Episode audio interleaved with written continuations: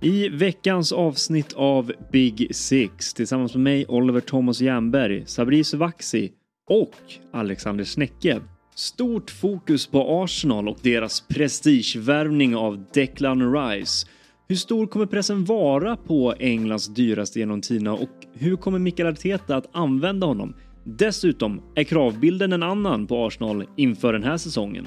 Sedan smäller det ordentligt på transfermarknaden i Premier League. Vi reagerar på de eh, hetaste ryktena just nu och Sabri listar de bästa nyförvärven hittills. Detta och mycket mer. Hjärtligt välkommen!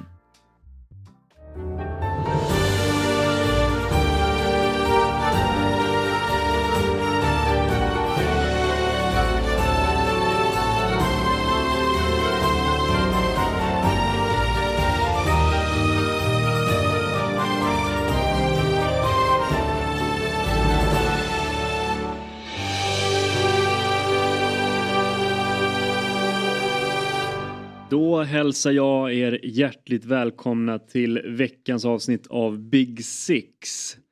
Eh, den här gången med mig, Oliver Thomas Jernberg. Mitt emot mig i studion idag har jag Sabri Svaxi. Mm, fint uttal, Oliver. Lite bättre än i Fotbollsmorgon tidigare i veckan. Träning ger färdighet. Ja, verkligen. Hur är läget med dig? Det är superbra, Mm. eh, faktiskt. Mm. Jättebra. Själv då? Nej men det, det är fint. Det, nu börjar man ju faktiskt få lite eh, puls eh, inför säsongen för nu har ju de flesta Big Six-lagen eh, faktiskt åkt iväg på sina försäsongsläger och det har ju blivit eh, dags för dem att till och med eh, börja träningsspela så att eh, ja, nu börjar man ju bli verkligen bli sugen på att se liksom nyförvärven och vad som Eh, hur lagen kommer att se ut här då i, i, om en dryg månad när det är igång och sparka igång Premier League-säsongen. Ja, Liverpool lirade ju match igår. Direkt tredje minuten small det. Salah till Nunez. Det är precis vad vi vill se. Eh, nog om det och, och försäsongsläger och matcher för det har ju inte spelat supermycket och det jag såg liksom Arsenal fick, ska ju spela mot någon så här MLS All-Stars. Det säger ju inte jättemycket liksom. Men när vi ändå är inne på Arsenal, det som har hänt eh, sen sist, det är ju eh, att det har rört sig lite grann i Arsenal. Det har ju ryktats som spelare in till eh, Arsenal och alla andra Big Six-klubbar och det är lite det vi ska fokusera på idag, just det här ryktesvägar och, och klara övergångar och så vidare. För det har hänt en hel del de senaste dagarna, eller hur? Mm. Ja, verkligen. Det, det smäller lite kan man säga. Mm. Men eh, det är kul. Det var lite segt här någon vecka sedan. Men eh, nu, börjar de, eh, nu börjar det komma igång. Men verkligen.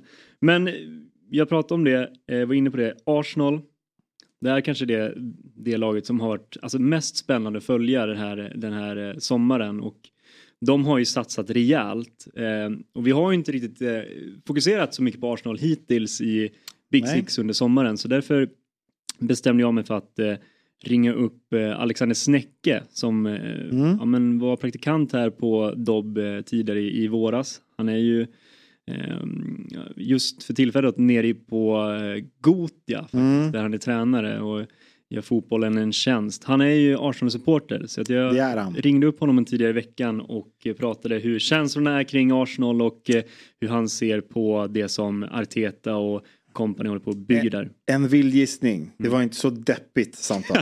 Han var väldigt glad. Det blev inte sämre av att hans lag där nere i Gothia hade liksom slaktat rent än så länge. Så Ja, det, det- det var en glad snäcke som jag pratade med. ja, det ska bli kul att lyssna på. Mm, vi lyssnar väl på hur det låter.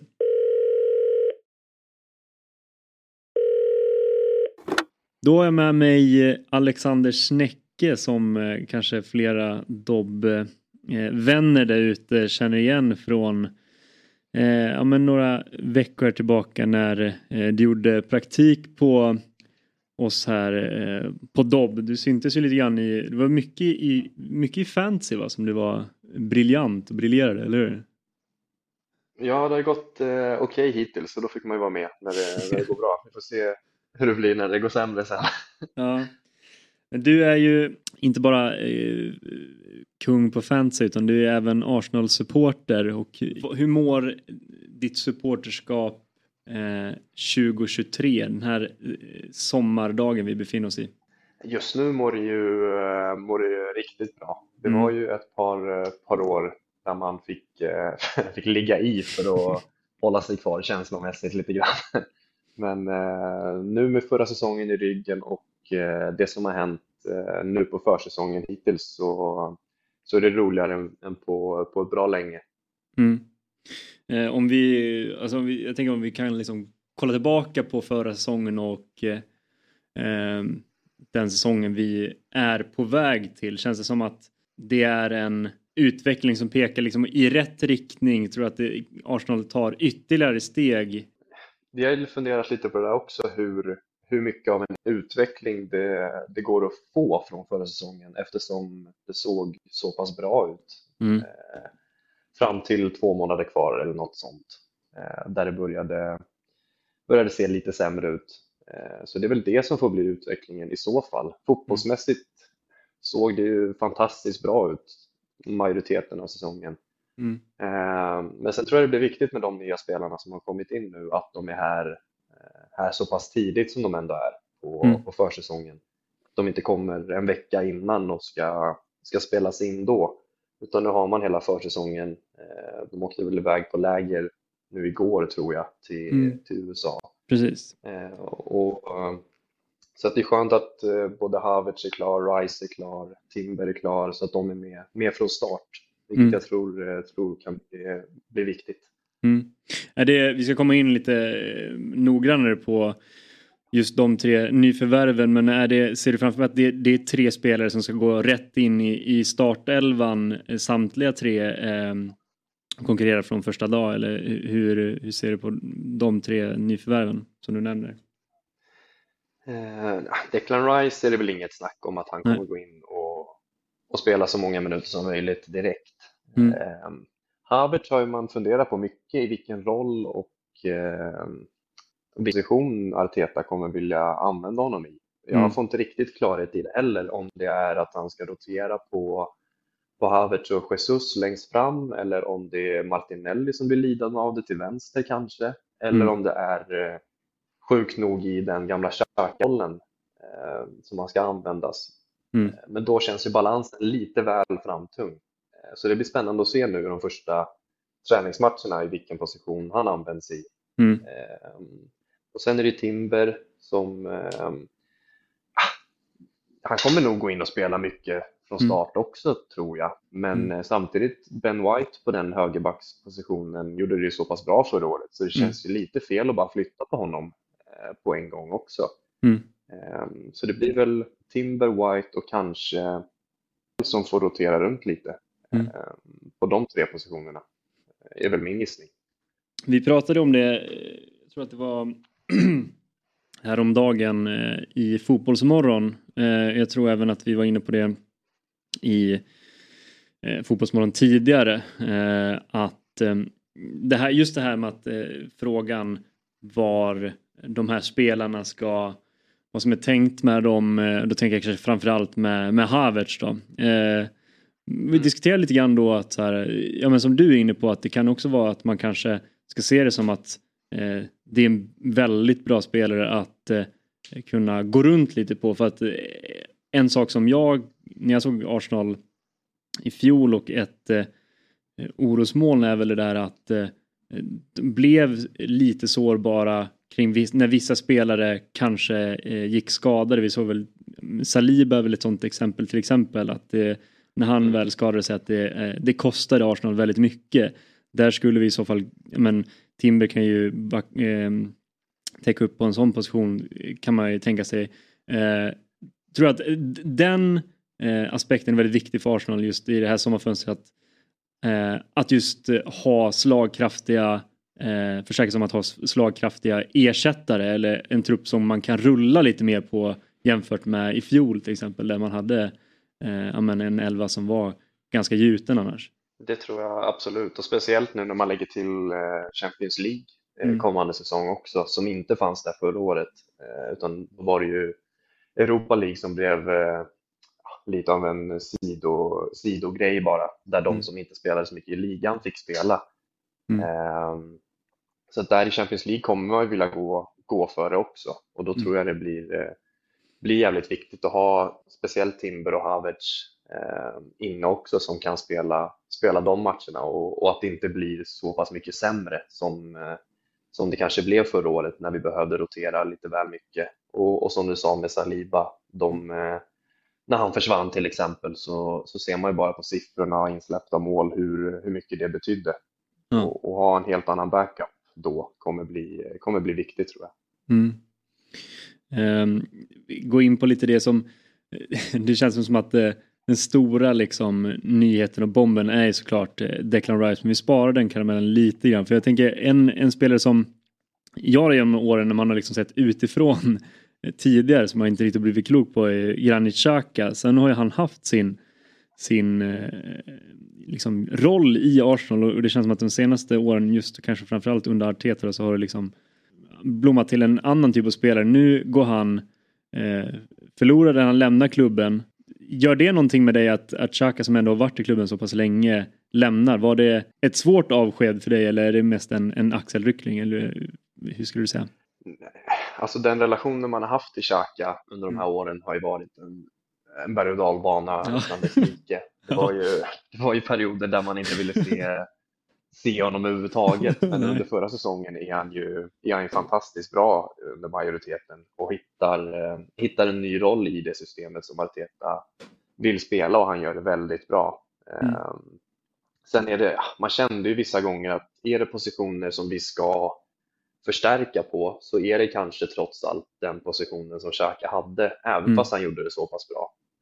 Um, så att, ja, det är trist att, eh, att han försvinner, men skönt samtidigt att han fick det avslutet på sin Arsenal-tid som han fick, eh, så att han inte försvann för två år sedan när, mm. när det såg eh, lite dystrare ut. Så, så på det sättet var det skönt och, och värdigt att han fick det, det, det typet av avslut tycker jag ändå. Mm. Men som sagt, det, det behövs nog förstärka på den positionen om man vill ta nästa kliv också. Mm. Och Arsenal har ju eh, lagt eh, stora pengar hittills och då framförallt då på spelaren som blev klar här nu då till eh, i, i helgen va, blev det presenterade och då tänker jag såklart på Declan Rice. Eh, hur, eh, jag, jag följer dig på Twitter och eh, det har ju varit en, för mig en följetong att eh, följa din liksom det, här äh, väntan på att han äh, ska bli presenterad. Först så, så skulle han till Arsenal, sen verkade det som att City skulle in dit och sno honom och väldigt länge så såg det ut som att mm. det faktiskt skulle bli så och sen till slut då så valde han Arsenal men det dröjde ju ännu lite längre innan det väl blev officiellt. Hur har, hur har det varit att, att, att hantera den här berg och mellan hopp och förtvivlan? Nej, hemskt. Alltså man är van med den här ledningen. Eh, den här ledningen, de ska leka lite sköna ibland känns det som och mm. dra ut på tiden. Och så visste man ju samtidigt att City fanns där i vassen och, och lurade lite grann. Mm. Så när det väl drog ut på tiden och så kom det uppgifter om att City skulle komma med ett bud, då blev man ju så här, ja nu har de, nu har de gjort bort sig här ordentligt för att de inte vill lägga de här extra 5 miljonerna, 10 miljonerna pund och, eh, mm. och bara få det, få det klart. Ehm, så att man var, man var högt upp och så var man långt nere och så var man högt upp igen och sen långt nere. Och, så det var skönt att eh, sista veckan i alla fall, där innan det blev officiellt, eh, visste man ju någonstans att det var, det var klart i alla fall.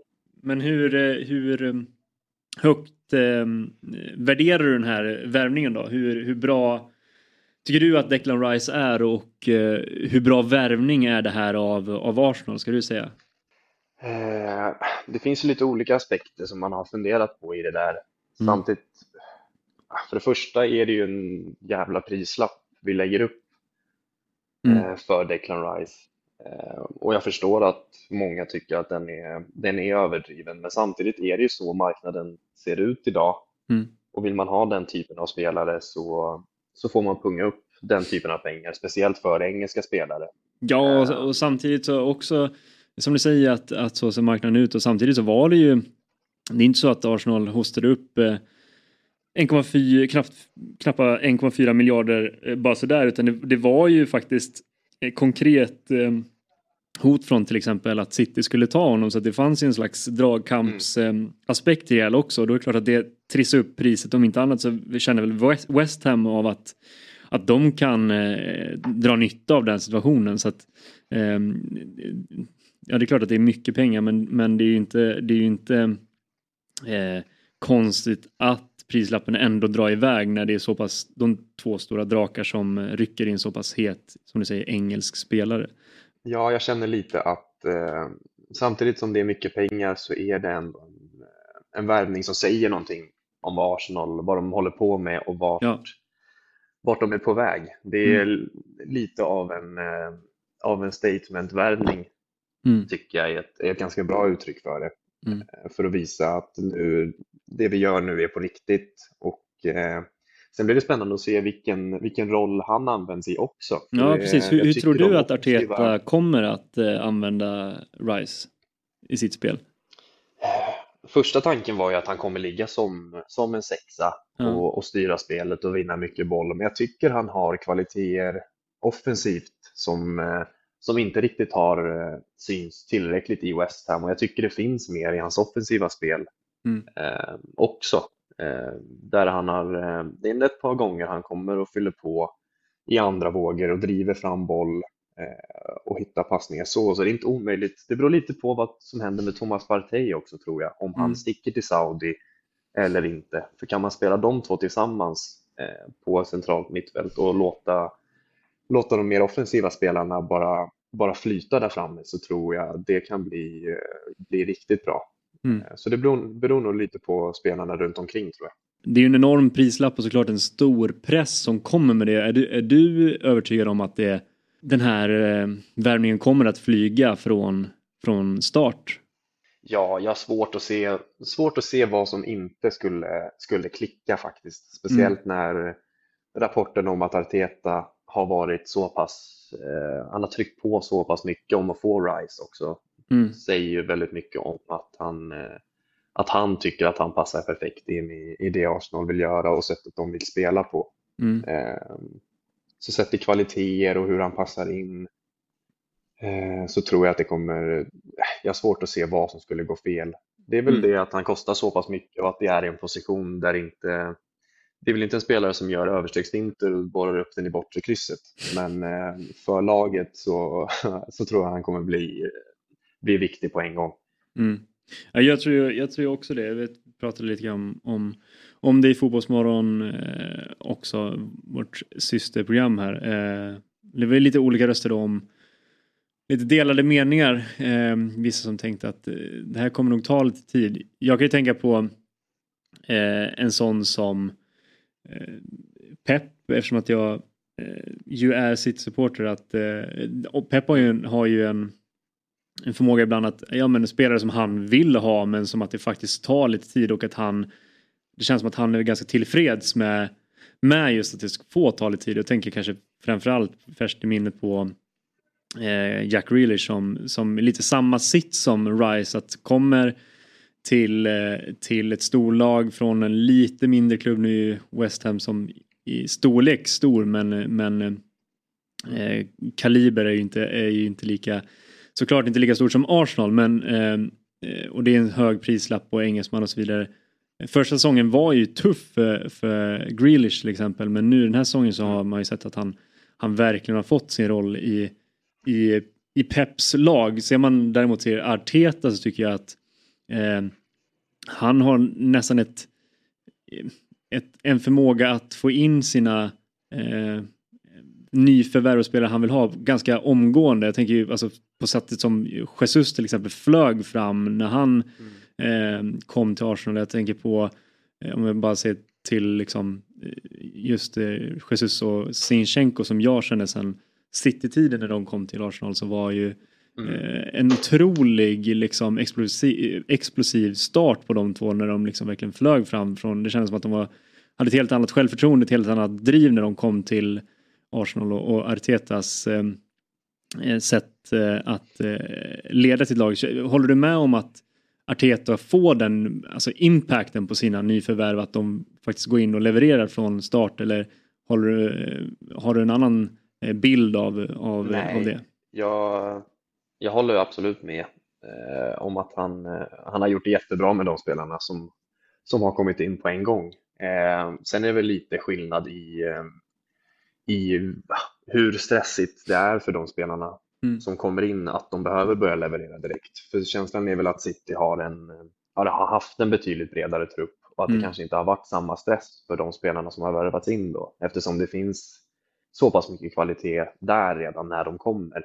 Precis, när ja. Jesus kom till exempel så fanns det ju bara en Kettia eh, och det, väl, det, var väl inte då och inte nu heller en spelare som, som ska vara bärande i Arsenal eh, som nummer nio. Mm. Eh, Sinchenko kom in och passade spelsystemet perfekt på en gång. Mm. Där fanns ju Tierney innan som, som många tyckte om väldigt mycket men han har haft det väldigt svårt att passa in i det sättet som, som Arteta har spelat. Um, så båda de, de två värvningarna tycker jag, tycker jag absolut har varit så. Sen kan man se det som med uh, William Saliba till exempel som mm. uh, kanske är lite skillnad men det är ändå två utlåningar där innan han börjar spela kontinuerligt i Arsenal och Eh, och gör det bra på en gång. Så det finns väl lite olika vägar att ta det på, eh, på det sättet samtidigt som eh, ja, nu börjar väl truppen byggas på och bli bredare och bredare. Och mm. då, då blir ju kanske den eh, sträckan som behövs för att passa in, utrymmet finns för att ge dem lite mer tid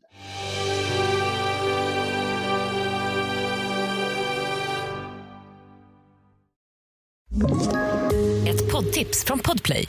I podden Något Kaiko garanterar östgötarna Brutti och jag, Davva, dig en stor dos skratt. Där följer jag pladask för köttätandet igen. Man är lite som en jävla vampyr. Man har fått lite blodsmak och då måste man ha mer. Udda spaningar, fängslande anekdoter och en och annan arg rant. Jag måste ha mitt kaffe på morgonen för annars är jag ingen trevlig människa. Då är du ingen trevlig människa, punkt. Något kajko, hör du på podplay. Därför är gardinerna.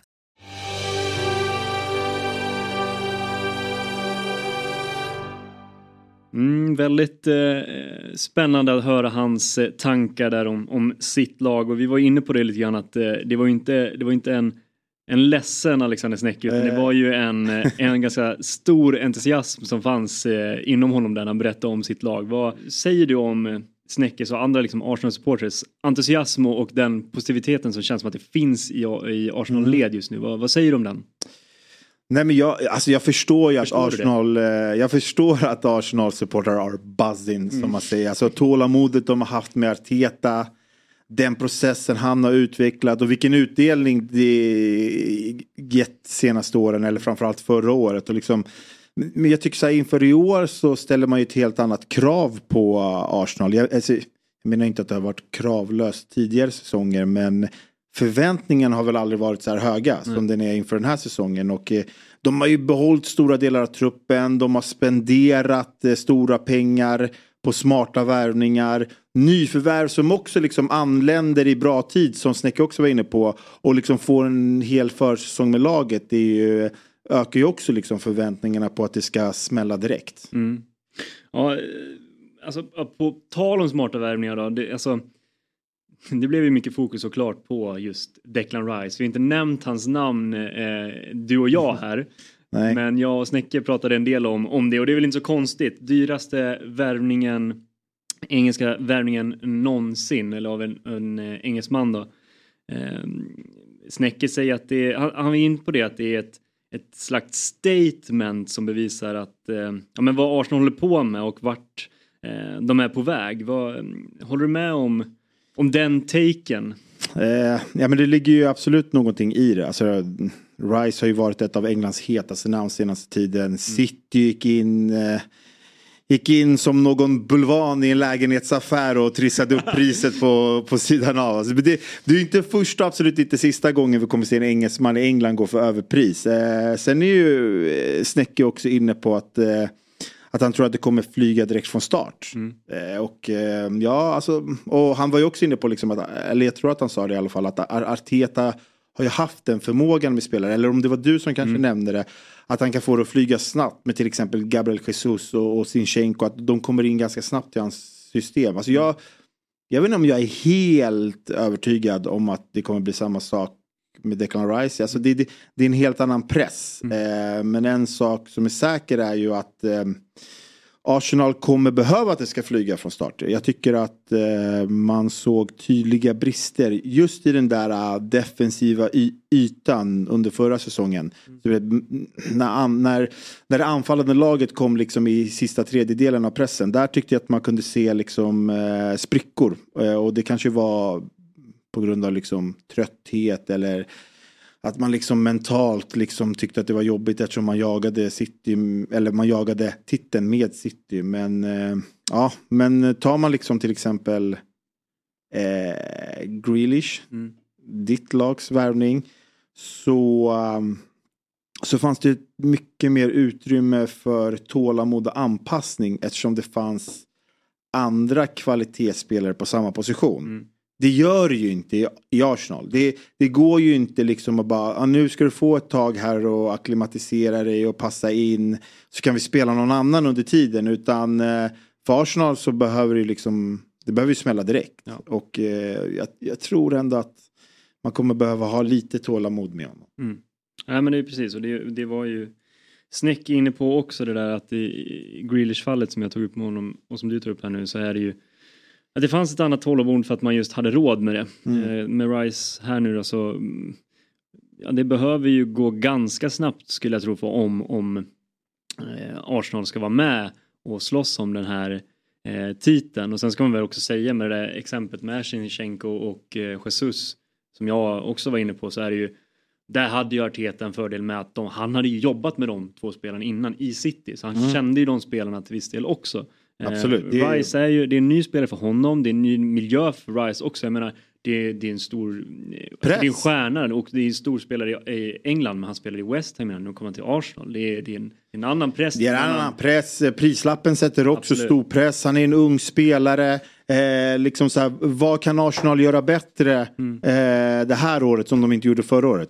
Vinna ligan, ja. eller hur? Mm. Eh, och, det, och den här värvningen, om det är ett statement så är det ju ett statement för att vinna ligan. Ja. Och då kanske jag, jag vet inte om jag är så övertygad om att han kommer kunna hantera pressen från start. Mm. Men som sagt, vi, vi kommer ju få se. Ja, det blir väldigt spännande. Väldigt spännande att se hur Arteta, Arteta väljer att eh, använda honom också. För att det, det, Snäcke var inne på att det, han är inte helt säker på hur eh, det är tänkt att han kommer att eh, användas. Vi får väl se, det blir spännande i alla fall. Jag tänkte på en grej som du var inne på det här med att, att det finns ett annat krav på eh, Arsenal eh, i år. Att, ja, men, det här med att de kom två i, i fjol, eh, det finns annat krav idag, eller i, idag, eh, för några år sedan så så kanske man inte riktigt trodde på att Arsenal skulle vara liksom eh, laget som gör upp om, om titeln.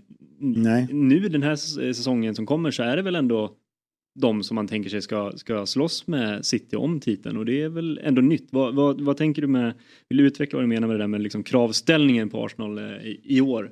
Ja, den här säsongen. Alltså, du var ju inne på det. De mm. utmanade ju om, om titeln väldigt långt in på förra säsongen. Ja. Du var också inne på att de, de chockade väl de flesta liksom med eh, vilket tabelläge de hade och hur liksom ut, utvecklingen av säsongen. För det var ju inte många som, som trodde på dem mm. inför förra säsongen. Eh, och eh, samma sak, liksom så här, det var ju vissa som kallade dem för världens bästa lag just nu. Eh, mm. och, och, och, och, och, så vidare. Så det, vad, vad är kraven och förväntningarna på Arsenal? Ja, att ta nästa steg och utmana om alla titlar. Mm. Premier League-titeln, som du var inne på, där ska de vara kandidat konkurrent nummer ett till mm. City. Ta sig förbi Champions League-gruppspelet oavsett motstånd, det är ju ett krav att de ska slåss om någon topp 4-placering när det återstår några omgångar får ju så här på förhand. Det får ju, det får ju liksom ses som en flopp. Mm. Eh, sen kan man ju inte förutspå skador och andra saker mm. men eh, kraven är stora i år på Arsenal, så. enligt mig. Mm. Håller du med? Absolut och, och liksom eh, ska jag nu här som City-supporter välja vilket lag som jag tror eh, kommer att stångas med City. För att till och med jag kan ju säga att alltså det, City kommer ju vara... City är favorit. Ja. Men Arsenal, Men Arsenal är, är, i nuläget eh, eh, konkurrent ja, nummer ett. Det skulle jag säga. Jag tänker att vi lämnar Arsenal där. Det är som sagt som vi är inne på stort Arsenal-fokus i, i det här avsnittet eftersom att det är där som det mesta har hänt och eh, Eh, vi får se vad som händer härnäst om det är slutshoppat för Gunners. Vi får, vi får se. Men eh, ett lag som har shoppat, för vi måste stanna till det här lite grann i alla fall tycker jag. Mm. Eh, det är ju inte en Big Six-klubb. Det är så, nästan så långt ifrån en Big Six-klubb man kan komma med tanke på att de är nykomlingar. Ah, Men det är Sheffield United jag tänker på. Ja, ja, ja. Där har det hänt en grej som är Ja men det, det var ju en, lite av en bomb som smällde här tidigare i veckan, bara för någon dag sedan faktiskt när vi spelade in. Och det är ju det att Häckens anfallare Benny Traoré är klar för Sheffield. Jag tror att det är deras liksom så här tredje värvning. Alltså de har inte gjort så mycket värvningar. Mm. Och då väljer de alltså att plocka in en allsvensk. Vi ska inte bli en allsvensk podd här för då, då eh, blir inte det vi är. Men vad, tänker du, vad, vad är dina tankar om det här? Vad, går du igång på, kittlas det liksom till av att eh, vi får se en spelare som spelar på Bravida Arena för någon månad sedan och eh, nu kommer vi få stångas mot eh, stjärnorna i Premier League? Ja, alltså, ab- absolut. Alltså, visst, Traoré kommer inte spela för svenska landslaget förmodligen. Men eh, det, han har ju en svensk koppling och det är ju absolut väldigt kul att se. Och det, det är inte bara bra för Häcken utan för svensk fotboll överlag.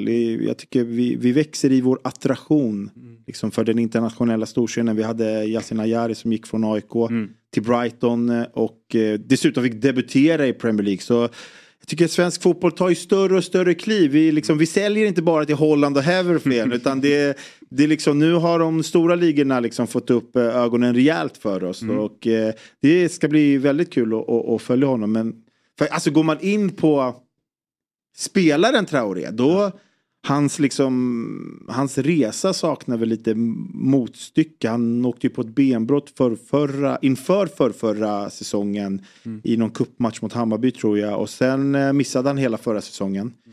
Och i år så skulle han ju tillbaka. Och då skulle han ju inte bara fylla vilka skor som helst. Utan skulle fylla liksom skyttekungen och eh, guldskjutaren Jeremejeffs skor. Och eh, det har han ju gjort. Ja, ja. Alltså 12 mål och 2 assist på 14 matcher. Får ju, ja, det väckte i alla fall Sheffield Uniteds ögon och eh, öppna plånboken. Så um, nej, men jag, tycker att det, är- jag tycker att han är en spännande. Ung spelare. Han jobbar väldigt hårt. Han är väldigt snabb. Han, eller han är väldigt, väldigt snabb. Perfekt att ha i pressspelet och i anfallsspelet. Jag vet inte exakt hur Sheffield United spelar men det kan, det kan nog vara Eh, en, en, en bra värvning för honom, eller för dem, för att han är så snabb i både pressspel och i liksom omställningsspel. Sen, sen vet ju du också liksom att ta, ta steget från Premier League, eller från allsvenskan till Premier League, det är, det är ett stort steg att ta och dessutom brukar ju nykomlingar ha det svårt i Premier League. Så, men eh, jag tror med, med rätt eh, folk i hans omgivning så um, kan det bli något eh, riktigt stort av honom. Mm. Ja, spännande. Väldigt eh, häftig eh, värvning i alla fall. Vi får väl se hur mycket förtroende han får och, eh, i The Blades som de kallar. Så, ehm, vi rör oss vidare. Hur tror du det går för dem? Tror du de åker ut eller? För Blades? Mm. För Blades. Eh, nej men eh, det där är så svårt för att i fjol så minns man ju eh, tydligt hur alla verkligen jag tror inte det, det fanns väl inte en enda expert som eh, eller uttalad expert som, som inte tippade att Bournemouth skulle sluta alltså tok sist. Mm. Och vi såg hur det gick för dem liksom. Så att eh, Tränarbyte-effekten. Ja, precis. Nej men det, det där är alltid svårt att... Eh, Men överlag brukar ju vissa nykomlingar ändå ha det ganska tufft. Så Ja men precis. Men- vi, får, vi får se, alltså jag kan, jag kan inte tänka mig att Ja men jag menar så här, Burnley är väl det laget som man känner att det kanske kan byggas någonting kring för att det är spännande med att se vad Vincent Company kan göra. mm. Luton har väl absolut ingenting att säga till om. Det, det ska liksom inte gå att de klarar sig kvar. Men jag kollar lite grann på deras värvningar. Det är liksom ingenting som sticker ut heller. Det är inte så mycket som har värvats. Så att det var väl en skräll att de gick upp i Premier League och, och jag tror att de kommer nog man sticker, inte- man sticker inte ut hakan med att säga att de kommer hamna sist. Sen Sheffield Ja, de kan mycket väl stanna kvar för jag menar det är ju ett, typ som ett Bournemouth eller Nottingham Forest som inte riktigt eh, eller som många inte trodde på i fjol skulle ju kunna åka ut i det här året istället liksom. Så att, eh, vi får väl se. Det blir, det blir spännande att se vad Benny Traoré och Sheffield United Ja, ja, alltså han adde- adderar ju intresset liksom. Man, man vill ju följa Ajari, Hjalmar Ekdal, nu Benny Traoré, vi har Kulusevski så Men det, det är kul med svenskkopplingen i Premier League. Verkligen.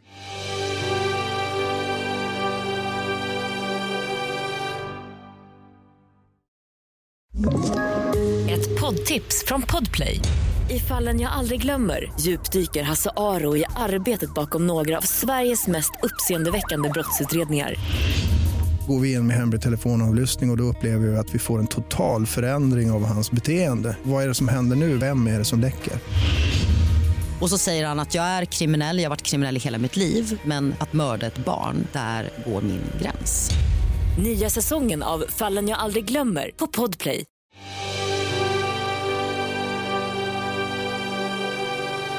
Sabri, vi ska eh, gå vidare till, eh, så att vi inte blir långa här, men eh, vi var inne på det innan, det, det, nu är liksom en period där det, det kommer så otroligt mycket rykten, för nu är det, Mm. ja men, eh, lagen, Fabrizio Romano jobbar. ja så förresten, såg du att han la ut en bild på hur mycket skärmtid han har per dag på sin mobil? Ja, helt otroligt. Det är helt otroligt. Jag tänkte så här, det kan ju inte vara sant. Alltså du vet hans, eh, min morsa när jag var, när jag var liten så här, si, brukar säga så här, sitt inte så nära för tvn, du får fyrkantiga ögon. Alltså, han har liksom oktagoner i ögonen, Romano nu. Alltså, det är någonting konstigt som händer med honom. Det, det var väl liksom, det var ju mer timmar än vad han var vaken typ som hans mobil var igång och att han, äh, nej, han Ja, mår ja, inte bra. Alltså när han söker mobil och då kollar han, är den waterproof? De bara varför? De bara, jag måste ha den i duschen. Det, det ska klara allt. Alltså, det, värsta supertelefonen har han. Klara hetta, klara kyla, klara vatten. Den ska klara allt. Den får ju aldrig vara avstängd. Vattentäta mobilen i Fabrizio Romano. Ja, men det... Man, man, man tycker lite synd om honom ibland med tanke på hur mycket han måste jobba. För det jag skulle komma in på är att det är så mycket rykten som, som sprids nu och det är ju som vi är inne på, det är sjukt kul. Nu är det verkligen silly season. Och jag tänker så här, eh, du, som bruk, du brukar sitta i, i Fotbollsmorgon eh, eh, de här veckorna och tidigare alltid ständigt i Fotbollsmorgon lördag. Mm. Du brukar vara jävligt snabb på att eh, komma med dina liksom, åsikter och tankar kring, eh, kring olika spelare och vad du tycker och tänker. Snabbtänkt helt enkelt. Mm, Så jag, tänker så, jag tänker så här va. Jag, jag lobbar fram fem rykten. Jag gick in på Twitter igår, likt Fabrizio Romano. Ser fem heta rykten som, som eh, Mm. spelare som, som kopplas till eller från eh, Big Six-klubbarna helt enkelt. Okej. Och så tänker jag att du får reagera bara. Vad, vad är din första tanke kring det här ryktet? Mm, okej, ja. Så det är liksom inte, du behöver inte lägga ut texten eller någonting utan bara tanke, känsla kring de här eh, ryktena då. Abs- ja men det, kör. Det, Ja, vi- det kan ju vi testar, vi det- Eh, Så, men du bara, det- så jag fattar nu, du, du droppar ett namn och, och sen vart den ryktas till eller? Exakt. Ah, Okej, ja. Eh, vi börjar, eftersom att jag är City-supporter så den värvningen som kittlar mest just nu, eller ryktet som kittlar eh, i min kropp mest just nu, det är ju såklart Guardiol till City från Leipzig. Vad säger du om det? Um, fusk. Eh, skulle jag säga. det är min första reaktion. Nej, men, eh, och då har du ingenting med att göra med ekonomisk doping liksom, utan det är bara liksom det, den Nej, men det- defensiva borgen som den, City har. exakt, jag menar City släppte in minst mål förra säsongen och nu ska de addera med den här mittfältsstjärnan. Då, då är det, det är fusk. Det, jag tänker diskvalificera City. Det, är- det är ojämna lag. Dela om. Bara tänk, tänk den liksom backlinjen slash rotationer på mittfältet där med, med Ake och, och Jo men när Stones Dia ska gå in och bli liksom mittfältare och Guardiol in där. Nej men eh, fusk. Mm. Eh, första jag kom att tänka på. Sen är det, det ryktas om att eh, Chelsea ska spränga miljard eh, spärren igen. För det är ju Brightons Caicedo som ryktas in till Chelsea. Vad, vad tankar om den värvningen eller det ryktet? Eh, Bollvinnare tänker jag direkt. Ja. Eller det är det, det är ordet som ploppar upp i mitt huvud när jag tänker på Caicedo. Eh, jag tänker inte så mycket på miljarden men eh, perfekt lösning då. Mm. Nu när Kanté och Kovacic är, sålda så är väl Caicedo en perfekt box-to-box mittfältare. Mm. Bollvinnare var det första jag kom Mm. på. Eh, en lite mindre liksom, kanske inte alla som har koll på men en stor talang ute i Europa i Serie A, Atalanta. Då tänker jag på dansken Höjlund. Som... Nej inte tillräckligt. oavsett, det vilken, oavsett vilken... Nej men jag antar att du ska säga United. Ja, det är Va? exakt det jag ska säga. Nej men det, det är bara Är det han som ska fylla Uniteds eh, anfalls... 2.0. Nej, men, Men United är ute på anfallsjakt i alla fall. Är Höjlund ett, eh, ett, en spelare som skulle kunna fylla de skorna? Höjlund är bra. Ja. Missförstå mig inte. Men vill United vinna titeln denna säsongen. Då måste man ju göra det bättre än City. Mm. Och för att göra det bättre än City så krävs det att man har en striker som gör det bättre än Haaland. Eller kanske minst lika bra som Haaland. Och där är ju inte där är ju inte Höjlund. Mm. Den första jag kan komma på är ju Kane som skulle kunna matcha liksom eh, det. Så mm, nej. Ooh, ja. Apropå Kane då. Ja. Men jag tänker inte på United utan en annan klubb som rycker i, i engelsmannen. Det är nämligen tyska giganten Bayern München. Kane till Bayern. Titelgaranti. Ja, det, det, det ja. alltså om, om det är titlar för att det har inte vunnit så mycket i Spurs. Men om det är det han vill ha så är det ju, då är det ju en bra Eller det är det flytt. första som jag tänker på när jag tänker Kane ska gå från sitt kära Spurs mm. med liksom det här rekordet inom räckhåll eh, för att gå till Bayern München och ta deras 99 titel på 98 försök. Eh, hörde jag så? Ja. 99, 99 titlar på 98 försök. Jag menade såklart tvärtom. Men, det är så mycket titlar de tar. Och det är därför Kane går dit. Så jag tänker väl Kane till Bayern. Det girig på titlar. Va? Girighet. Tror du att det händer? Tror att, om, skit i Bayern men tror du att Kane eh, startar i, i Tottenham när eh, vi drar igång Premier League-säsongen? Eh, money talks. Mm. Eh, jag tror ju liksom att om, om Bayern pungar ut mm. då kommer han. Och det har vi diskuterat i, i andra poddar också. Mm. Men eh, pungar Bayern ut lite mer än eh, yarden då så kommer ju Spurs inte kunna säga nej. Får vi se då. Mm. Eh, en annan spelare som det har snackats eh, en del om eh, de senaste dagarna. Det är en spelare som har blivit av med sin kaptensbindel. Mm. Det är såklart Harry Maguire jag tänker på. Mm. Och det eh, dök upp ett rykte här om att Chelsea skulle ha oh. har blivit intresserade av den gode, gode Harry efter att vi såg att Fofana skadad igen. Mm. Ja, det är väldigt synd om honom. Tror du att eh, Maguire skulle kunna få en eh, nytändning i, i Chelsea? Ah, nej, alltså, jag, alltså jag vill bara säga eh, mission impossible.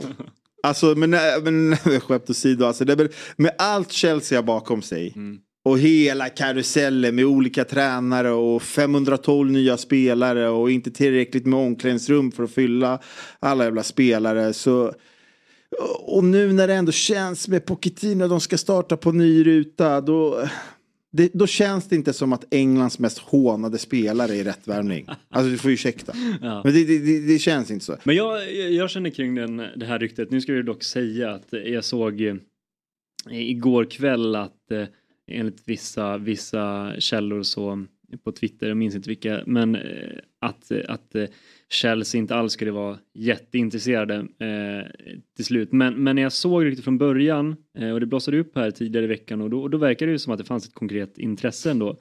Eh, då känner jag ändå att eh, jag hade verkligen velat se det. För att vi, vi kan ju se varje gång han är i, till exempel i landslaget så är han ju en helt annan pondus och självförtroende än vad han har i stundom i ja, United. Så att, eh, det är också ett ja. annat eh, spelsystem, man ja, blottas inte lika mycket. Kan det finnas en väg tillbaka för Maguire? Kan man få se den där uh, Maguire som man ibland får se i landslaget och mm. som man fick se i Leicester? Mm. Uh, så absolut, det kan det gå. Men är det rätt för Chelsea som du vet som, som har den här turbulensen bakom sig? Mm. Att liksom värva den spelaren som, är så, som har varit så ifrågasatt och så hånat sista tiden. Det är, så här, det, det, är väl inte det som kommer kittla i supporternas mage riktigt utan mm. man behöver värva någonting annat mm. för att liksom få med sig supportrarna. Mm. Eh, och jag tror att för Maguires eh, skull så bör han kanske komma in i ett lite mer färdigt koncept mm. eh, än vad Chelsea är ju mm. tillfället. Spännande. Det var de eh, ryktena som jag tycker mm. känns hetast och roligast. Gjorde jag godkänt här i heta skolan? Ja, jag tyckte du gjorde det väldigt bra ifrån dig.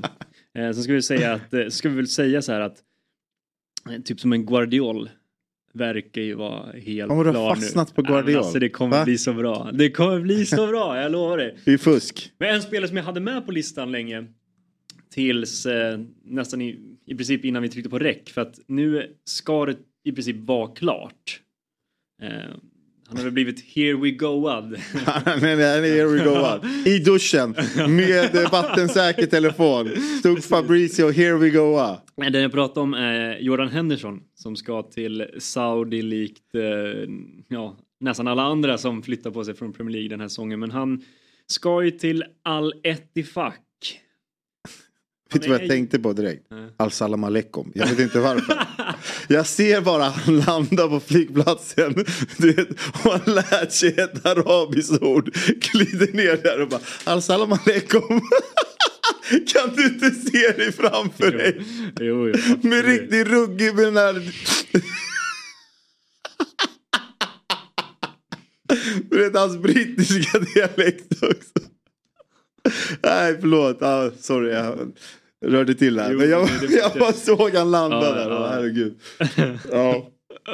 Vad tänkte du fråga? Åh shit. Ehm, jag tänker ändå, det är väl kanske inte en spelare som har varit tongivande i Liverpool den senaste säsongen eller, eller sådär, men det är ju det är ändå en stor eh, ledare och eh, en har ju varit en viktig spelare för, för Klopp under hans tid eh, och ja, men sen Jordan Henderson kom till klubben från, eh, från Sunderland, eh, publikfavorit och, och så vidare och så vidare. Hur, vem, du som är Liverpool-supporter, vem, vad betyder Jordan Henderson för dig? Vem, vem är han som, som spelare för, eh, för dig? Nej men han betyder mycket. Mm.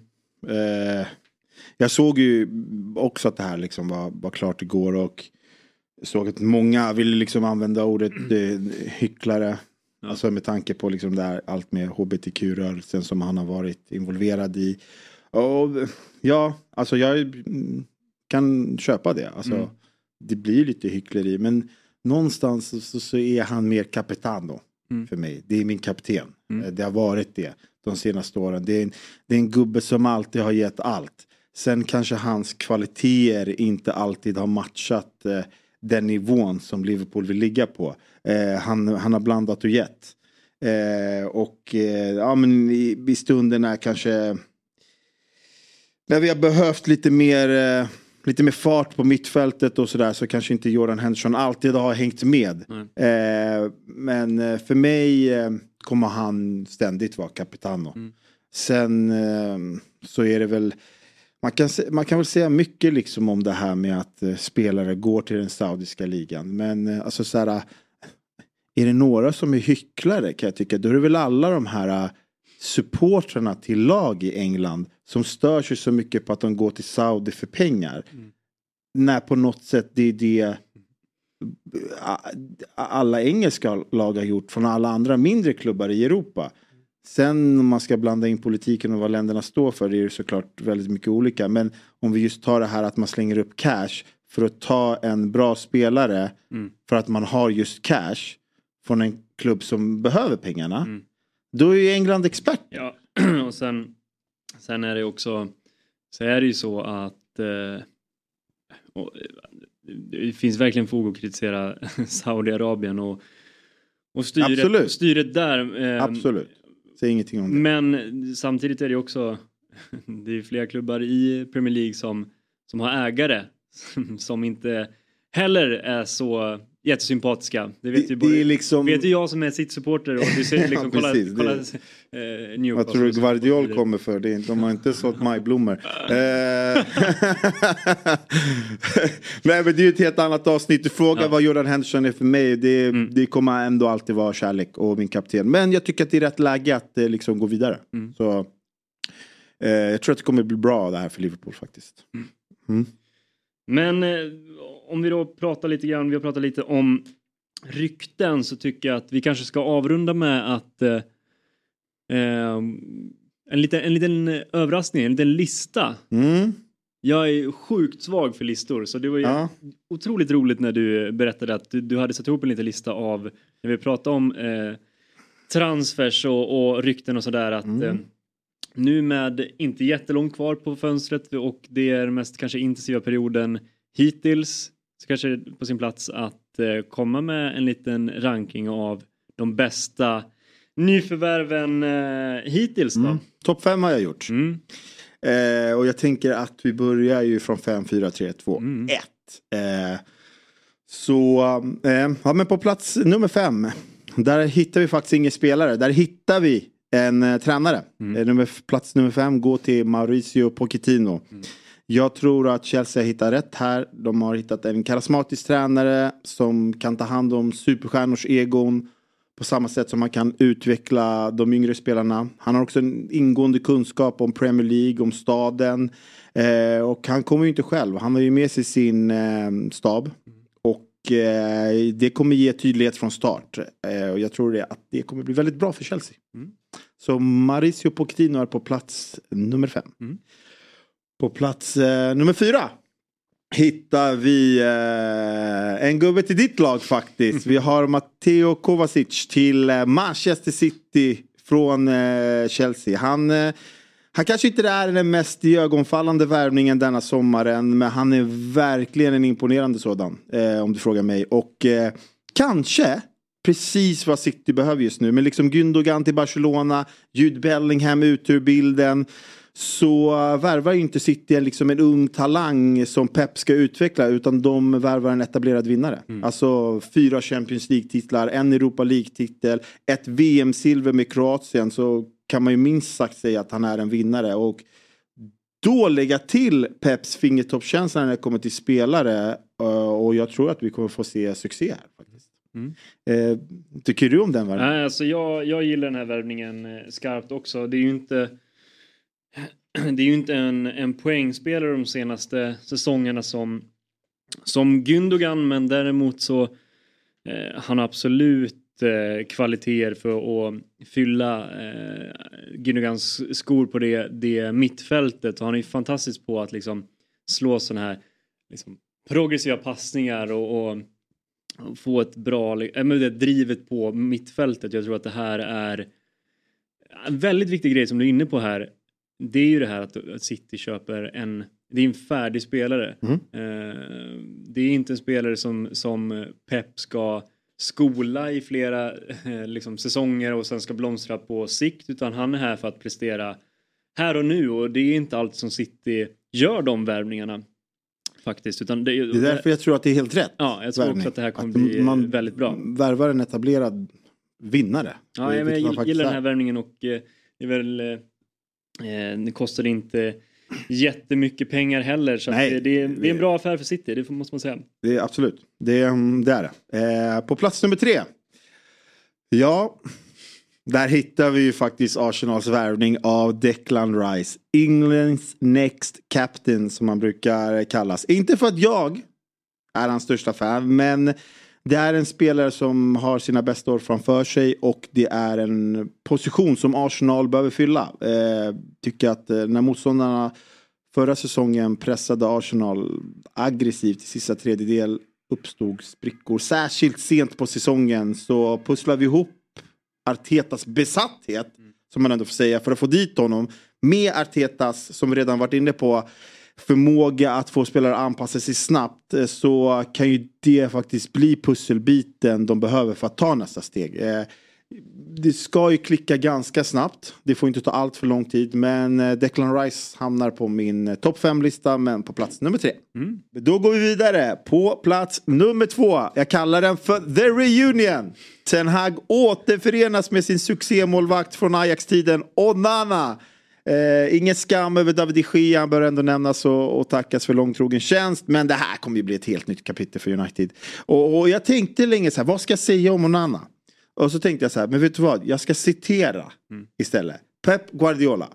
För ett lag som spelar med hög press är Onana en exceptionell målvakt att ha i uppbyggnaden. Han är riktigt, riktigt bra. Pep Guardiolas ord. Steven Gerrard. Han kan bära nummer 10 och fortfarande kunna spela. I de mest pressande situationerna håller han sig lugn. Han kan spela kort, han kan spela långt.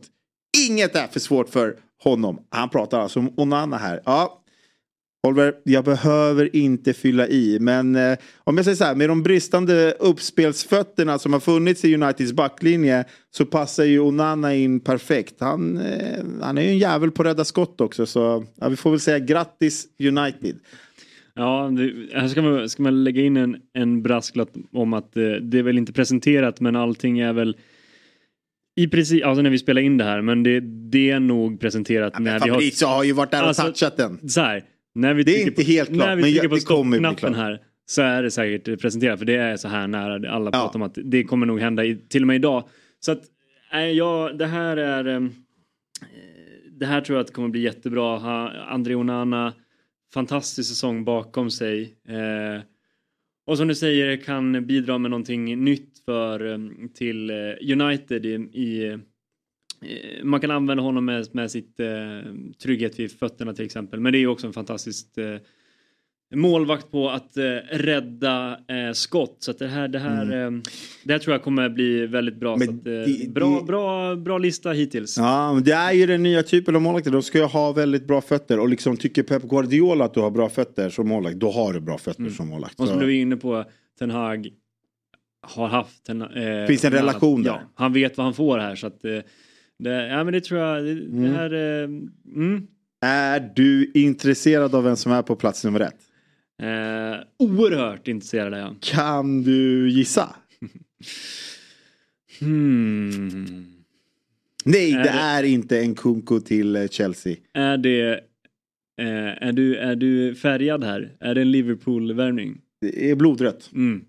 Kan det vara, kan det vara en, eh, en eh, världsmästare vi har att göra med? På plats nummer ett hittar vi, som du är inne på, den argentinska VM-guldmedaljören och Brightons före detta superstar Alexis McAllister till Liverpool. Nej men det här tror jag faktiskt kan bli, bli riktigt bra. Eh, han var en av seriens bästa spelare i ytan mellan motståndets mittfält och försvar. Finns säkert någon nördig term för vad det kallas. Men jag säger i alla fall i fickan. Han, han både fick och spelade flest passningar i den zonen än någon annan spelare i ligan förra säsongen. Och eh, eh vet vi någonting om Liverpool så vet vi ju hur vasst deras anfall är längs kanterna. Och eh, kan man nu eh, bli ett ultrahot centralt också, ja då lär Liverpool hamna på en bättre placering än en femte plats. Vad tror du om den här värvningen? Den kittlar verkligen i mig kan jag säga. Han var ju... Ja, alltså... Du ser skeptisk Nej, jag ut. vet inte om jag håller honom som etta bara. Jag tror, att, jag tror också att eh, det här är en, eh, en, en bra värvning för, för Liverpool. Ehm, Jag är bara osäker på om det kommer bli succé direkt. Eh, Vi får väl, vi får väl se. Men så här, jag hör vad du säger. Jag köper ditt resonemang. Listan är ju också, man får ju säga så här, det är lite av behov också. Absolut. Och du vet så här, behovet av en eh, riktigt bra mittfältare som också är bra i just den där ytan som han var bäst på i ligan förra säsongen. Det är just det som jag tror kommer bli den här pusselbiten som kommer bli riktigt eh, bra. Mm.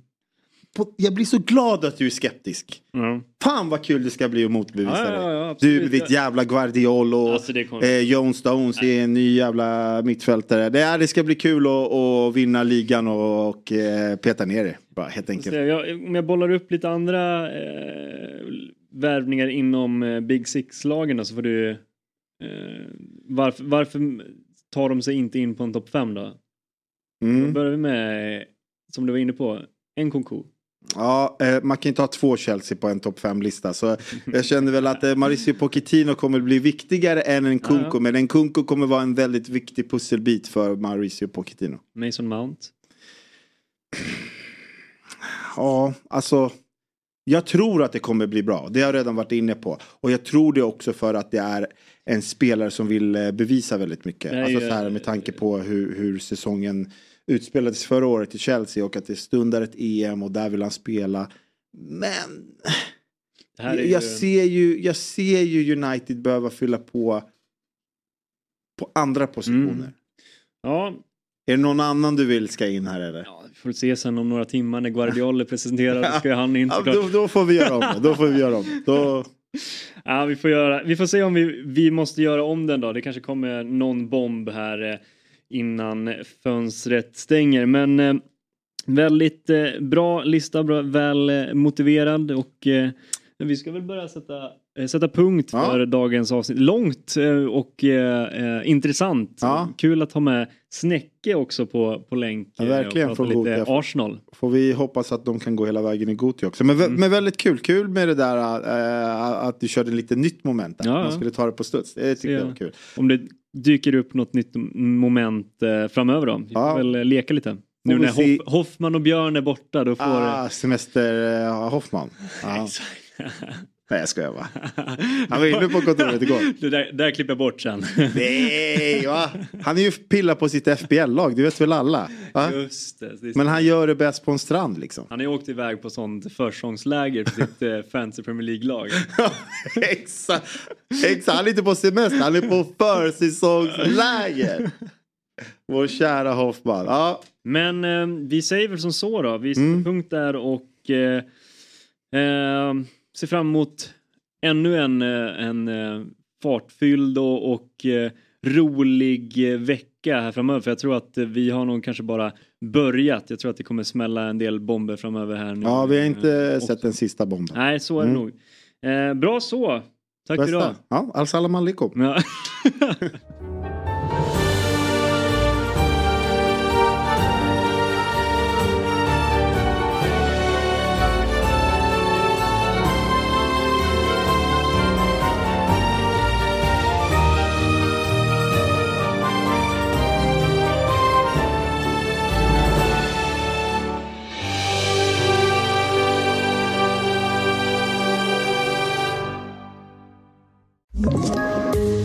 poddtips från Podplay. I podden Något Kaiko garanterar östgötarna Brutti och jag, Davva, dig en stor dos skratt. Där följer jag pladask för köttätandet igen. Man är lite som en jävla vampyr. Man har fått lite blodsmak och då måste man ha mer. Udda spaningar, fängslande anekdoter och en och annan arg rant. Jag måste ha mitt kaffe på morgonen för annars är jag ingen trevlig människa. Då är du ingen trevlig människa, punkt. Något Kaiko, hör du på Podplay. Därför är gardinerna.